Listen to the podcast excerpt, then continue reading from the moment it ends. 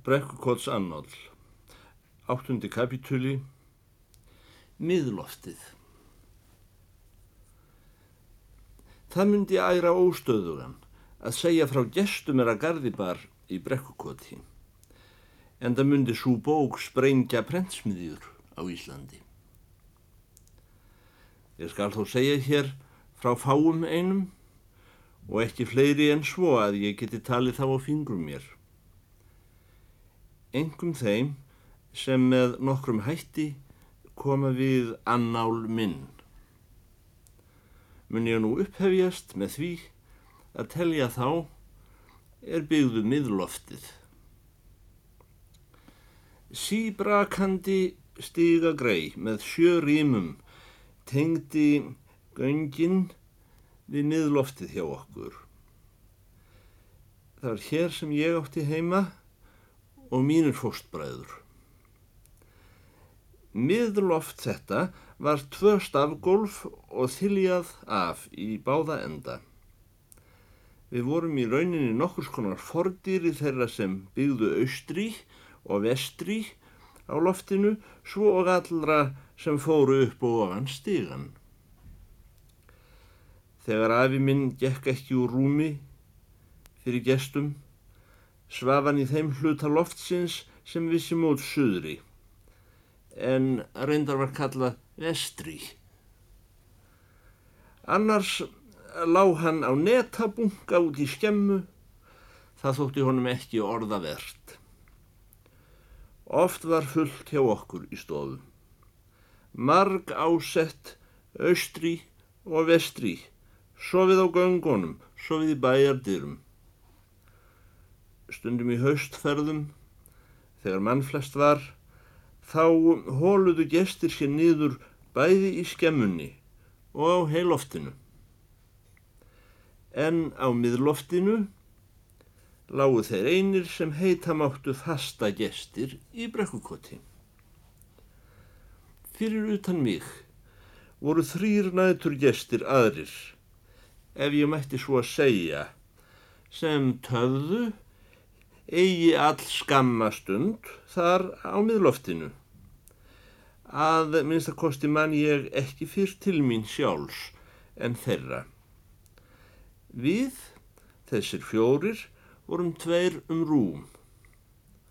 Rúmin voru naglföst við vekkin undir súð en sameinlegur höfðagafl í báðum. Og yfir höfðagaflinum var gluggi með rúmlega lóastóri rúðu gerður í torfþekjuna og út um þennan glugga sást eitt puntstrá og einn stjarnar. Undir súðinni á móti var loftslúkan, hún gaf dálítið gólfrými til viðbótar þegar hún var aftur. Og svo lítil afþyljuð kompa eða kómenta til hliðar við uppgangin og fyrir henni hurðar nefna sem þó fjall sjaldan að stöðum. Í þessari kompu var rúm, bekkur og þrýfótur. Hér voru stundum látin gista hjón, ellegar menn sem voru mjög dýrir, svo heilsulöysir menn eða geðbilaðir, ellegar konur sem þurftu að ala barn eða deyja og aðrir þeir er á nokkrum sögum þurftu að vera einsamlir. Ég er í hópi þeirra manna sem voru í heimum bornir í þessari komendu. Að því er ég hef frétt. Nú mun ég segja nokkur deili á þrem nætur gestum, félugum mínum þar á miðloftinu. Skal fyrst frægan telja kaftinn sáluga Hógensen, öðru nafni Jón Hákonarsson frá Helga Felli, breið fyrskan mann. Kaftinn Hógensen var nú aldin að árum. Ljós heimsins hafði kvart þennan mann að mestu því hann var næstum blindur. Hann hafði eins og margur haft spurnir af því vestra á land hversu mikill og ágætur gististaður væri í brekkukoti. Og þegar aldur færðist yfir hann, gerði hann ferð sína að, að vestan þegar erinda að gerast þar flet gengin maður. Hann var ekki aðeins sjóndapur maður, heldur gikt veikur og vafalust haldinn fleiri kvillum sem hann talaði þó aldrei um. Mér sagt hann hafi lagt með sér jarðarpart sem prófendu þegar hann gerðist kararmadur á miðloftinu í brekkukoti. Kaftin Hógensen var einn sannastur formaður sem ég hef þekkt um mína daga. Hann var komin af prestum, síslumannum og skáldum. Við vorum rekkjunautar frá því ég mann til mín. Hann var stórbrotin í viðræðum. Aldrei talaði hann við mig öðruvísi en fornmaður við annan fornmann. Öll hans umræðu efni voru hafin yfir hundagslega smámunni og tilviljanir. Kafteinn Hógensen satt á rúmi sínu og vann rosshár.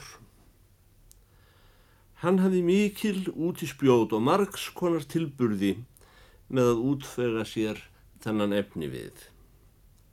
Hárið táði hann í höndunum, kemdi í vöndul, festi vöndulinn með all á rúmstolpan til fóta hjá sér og spann síðan rosshárið á snældu úr vöndlinum. Loks brá hann úr þessu reypi eða jarðir með því að festa reypis fytinni um rúmmaran. Ég hefði þann starfa að týna saman það rosshár sem fór á gólfið hjá honum vegna sjóndepru. Jón þessi Hákonarsson var nefndur Kafteinn Hógensen af þeim sökum að hann hafði fyrir margt laungu haft með höndum þann starfa að leiðbeina dönskum sjómælingaskipum á breyðafyrði. En eh, skipaleið er vandrötuð og tór sigld ókunnum á þeim slóðum. Jón Hákonarsson átti að vísu til góðra að telja og var sann íslenskur höfðingi við breyðafjörð, samkvæmt eðli og ættartölu, ímyndun og hugssjón, þó ekki hefði komið annað til. En Danakonungur sjálfur hóf hann til áþreifanlegar heimstignar sem gerði ættfræði þarflausa, svo hugssjónir og ímyndanir. En það kallaði hann sig með réttu danskan orlokskaftein og sjóleiðsögumann Danakonungs. Eh, hann lofaði aldrei bláum einkennisbúningi sínum, gullneftum, neð því kaskæti sem heyrir sjóleiðsögumanni Danakonungs á breyðafyrði. Þessum búningi klættist hann í afnan á jólum og páskum. Svo og á nýjársdag og sumardaginn fyrsta og sað þá á rúmi sínu með tígulegu yfirbræði allan daginn án þess að snerta hrosshár. Það var hans plagsýður að rýsa úr körinni á nýjársmorgun, klæða sig upp á í mundýringuna og láta leiða sig út í staðinn þeirra erinda að byggja yfirvöldunum Guðs blessunar og reyna að hafa út úr þeim eilítið rosshár. Annar nætur gestur mér samtíða á miðloftinu var eftirlitsmaðurinn okkar sem við æfinlega köllum svo og ég held lengi vel að væri eftirlitsmaður bæjarins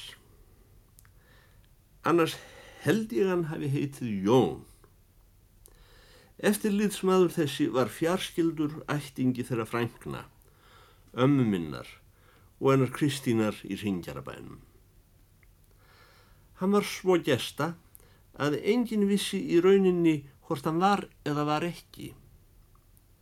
Hann kom yfirleitt ekki að hátta fyrir en aðrir menn voru sopnaðir og var búinn að drekka morgun kaffið hjá henni ömmu minni og farin guði á vald áður en flestir menn voru komnir ofan. Eftirlitsmaðurinn okkar hefur líklega verið að huldufólksættinni. Að minnstakosti heyrði ég því aldrei fleikt að hann væri komin af prestum, síslumönnum og skáldum. Það var viðburður ef við sem vorum honum samnáta náðum tali af honum. Fram eftir öllu vissi ég valla hvort hann væri til húsa hjá okkur í raun og veru. Og þó, pungarnir hans tveir lág á hillunni fyrir ofan rúmið þegar ég var lítill, annar fullur með neftópak, hinn með gull. Ef fyrir kom að maður rækist á þann eftirlitsmann, þá var hann æfinlega hreitn og snurfusaður, svo lísti á hann.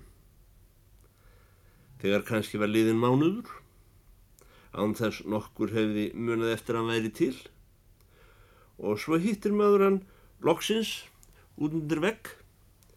Þá hafði hann ekki önnur tíðindi að flytja mönnum en þau. Að nú viðraði vel fyrir músinni í dag. En þegar því var játt, flýtti hann sér að bæta við, já og ekki er það lagara hjá örninni. Ég fór ekki að forvittnast um hver þessi maður væri fyrir ég var orðin nokk stálpaður. Og mér er sama þó ég tæki hér frammi fyrir sjálfu mér í sögunni, þetta var heimsbyggingur. Flugan okkur hafði búið um sig bak við eirað á honum. Hann hafði gengið frá búi sínu upp á Akranesi vegna þess hann hugðist mundu verða mönnum til meirið harfa með því að snúa sér frá því að ala sögð skeppnur til frálags. Hann hafiði selt englendingum ágæta lagsajörð sína fyrir góðmálm og flust til höfðborgarinnar að gerast eftirlitsmaður. En í pungum þessum tveim er stóður hlið við hlið upp á sillunni fyrir ofan rúm hans, gerðist með sínum hætti annáll þessi er hér ritast. Rekkjunautur eftir liðsmannsins var sá maður sem það starfaði í mínu ungdæmi í höfuborginni, svo og á nesjum og í dölum nær sveitis að bera for á tún. Hann hitt Runolfur og var Jónsson. Um þennan mann er síst oflof þó sagt sé að sjaldan hafi verið meiri aðdáandi góðra hramfóra á Íslandi að búnaðarfélagi Íslands ekki undanskildu. Runolfur Jónsson var einnig komin út af prestum, síslumönnum og skáldum en þó var hann engum og sér í lægi skildur einu því ágætasta konferensráði sem verið hefur hér á landi. Ættgauki sína rakti hann þó ekki í hverstagslegri viðræðuði menn en þegar hann hafiði í staupinu það kallaði hann að eignast herskip. Þá fór hann nýr í bæ og predikaði um konferensráðið á tröppum prestaskólans ellegar á stjettinni fyrir fram á Guðmúnsens búð. En því miður voru þar einat þeir áherendur nær er síst kiptu sér upp við göfugt ætterni manna. Runolfur Jónsson var skútukarl og hefði verið meir en 30 ár á skipum Guðmúnsens búðar en nú var búið að reka hann í land fyrir fullt og fast af því það var saltbrunni í augunum á honum. Hann var orðin það sem afi minn kallaði uppgjafa dóminni frá Guðmúnsen. Oppin af tekjum Runóls meðan hann var til sjós hafiði farið í að borga sektir fyrir að koma of sent til skips. Aftur á móti hafði hann á elli árum, eins og reytaðir hér að ofan, lagt fyrir sig að tæma bændum fórir í bæ og nágrenni. Fórir höfðu frá öndverðu staðið opnar og óvarðar fyrir bæjardirum manna á Íslandi eins og týðkast til sveita á Fraklandi. Druknuðu þar fleiri Íslendingar en í öðrum sjó að undanskildu úthafinu. Fjall þannig hver sjórin öðrum skæðari í hlut Runolfs Jónssonar. En á þessum árum höfðu þau tákn tímanna gerst í höfðustanum tilvonandi, svo og á Seltjarnanessi að fullhugar í bændastjett höfðu látið gera steinsteiptar þrær í stað fóra á búum sínum. Þessar nýtísku þrær dáði Runolfur Jónsson umfram aðrar smíðar sem samdar höfðu verið í veröldinni um hans daga. Taldi hann góða hlamfórir, ímist til fróðár undra, ellegar kraftaverka. Það var ánægja hans sem ekki varði metin til fjár og uppbót fyrir margt sem hann hafði orðið að fara á misfiðum dagana að fá í elli að bera fór á tún úr þessum óviðjafnanlegu meistaraverkum nútímaðans. Runolfur var venjulega drukkin fjórum sinnum á ári og þá jafna nokkrar vikur í senn. Þess á milli var hann ódrukkin. Það var oftast nær eftirlitsmaðurinn, rekkjunautur hans, sem stutti hann til að eignast herskip.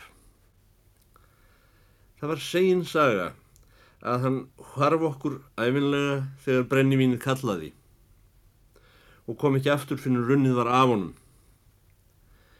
En í brekkukoti ríkti sá andi að þar voru allir hafðir í mannatölu, eh, að ég ekki segja hafðingjatölu, sæl og fátækur, dýrlingur og tukthúsmatur, að drikkjumönnum undanskildum. Enda mundu þessir snöruðum oldarkofar sem hengu uppi á nokkrum fúaspítum fyrir laungu hafa verið rofabarð eitt ef þar hefðu búverkað drikkjur út þar. En ekki var herskipa leiðangurinn fyrir á enda hjá frænda konferensráðs en hann kleif aftur trehólinn hjá okkur og tók til á nýja leik að sofa hjá eftirlitsmanninum. Ég ætla ekki að lýsa hér útganginum á Runolfi Jónssoni þegar hann kom úr leiðangri. Nema ekki var hann fyrr komin í leitirnar en eftirlitsmaðurinn klippti af honum hár og skegg og tók til að reynsa hann upp, vandlega, hátt á látt, með grænsápu, kreolíni og helvitisteini. Þessi þjónusta þótti eftirlitsmanninum jafn sjálfsögð við runga eins og gefa honum fyrir brennivinni. En Þó að rungi væri jafnan alls gáður heima fyrir. Samsamaðist hann aldrei hugsunarhætti þeirra sem búa við það uh, þurra fýbjakk sem heitir land. Þess vegna hóf hann oft kynlegar ræður við menn. Svo var ávandan hans í ræðu ein með öðrum að hann myndi ekki nöfn manna nýja staða að nafni Björns í brekkukoti einu undanskildu og Guðmúnsens þegar hann var drukkin. Honum var því nauðugur eitt kostur að snúa sérnöfnum í lengra mál og vafðist jafnvel fyrir kunnugum að botna í því tali. Ég skal ekki reykja þá orðabók hér, en við því er ekki að diljast að henni svipaði að sumu leiti til orðabókar í dönsku eftir Konráð Gíslason. Ömmu mína nefndi hann aldrei annað en konuna sem átti börnin. Rekkjunaut sinn kallaði hann mannin sem átti pungana og kaftein Hógensen nefndi hann auðvitað aldrei annað en mannin sem stjórnar herskipum.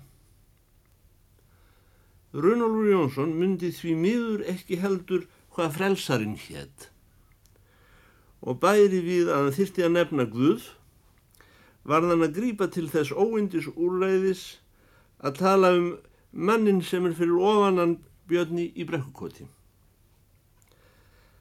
Hann vissi ekki heldur í hvaða landi hann átti heima nema að þar var þurft.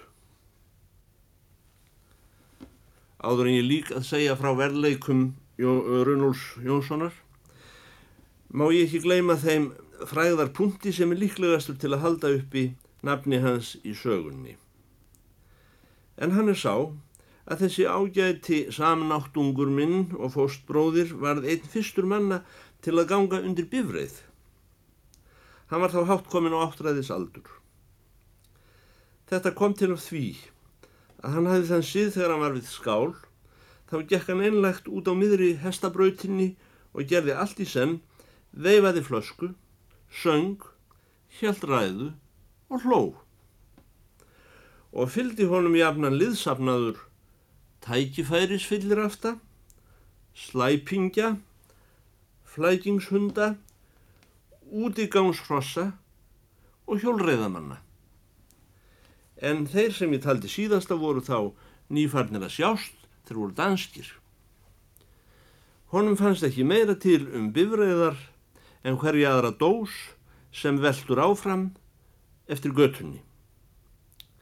Ef nú svo illa skildi tiltakast að Runolfur af ætt konferensráðs sé einn góðan veðurdag gufaður upp úr bók þessari. Þannig að ég gleymi sjálfur að merkja við þegar hann hverfur.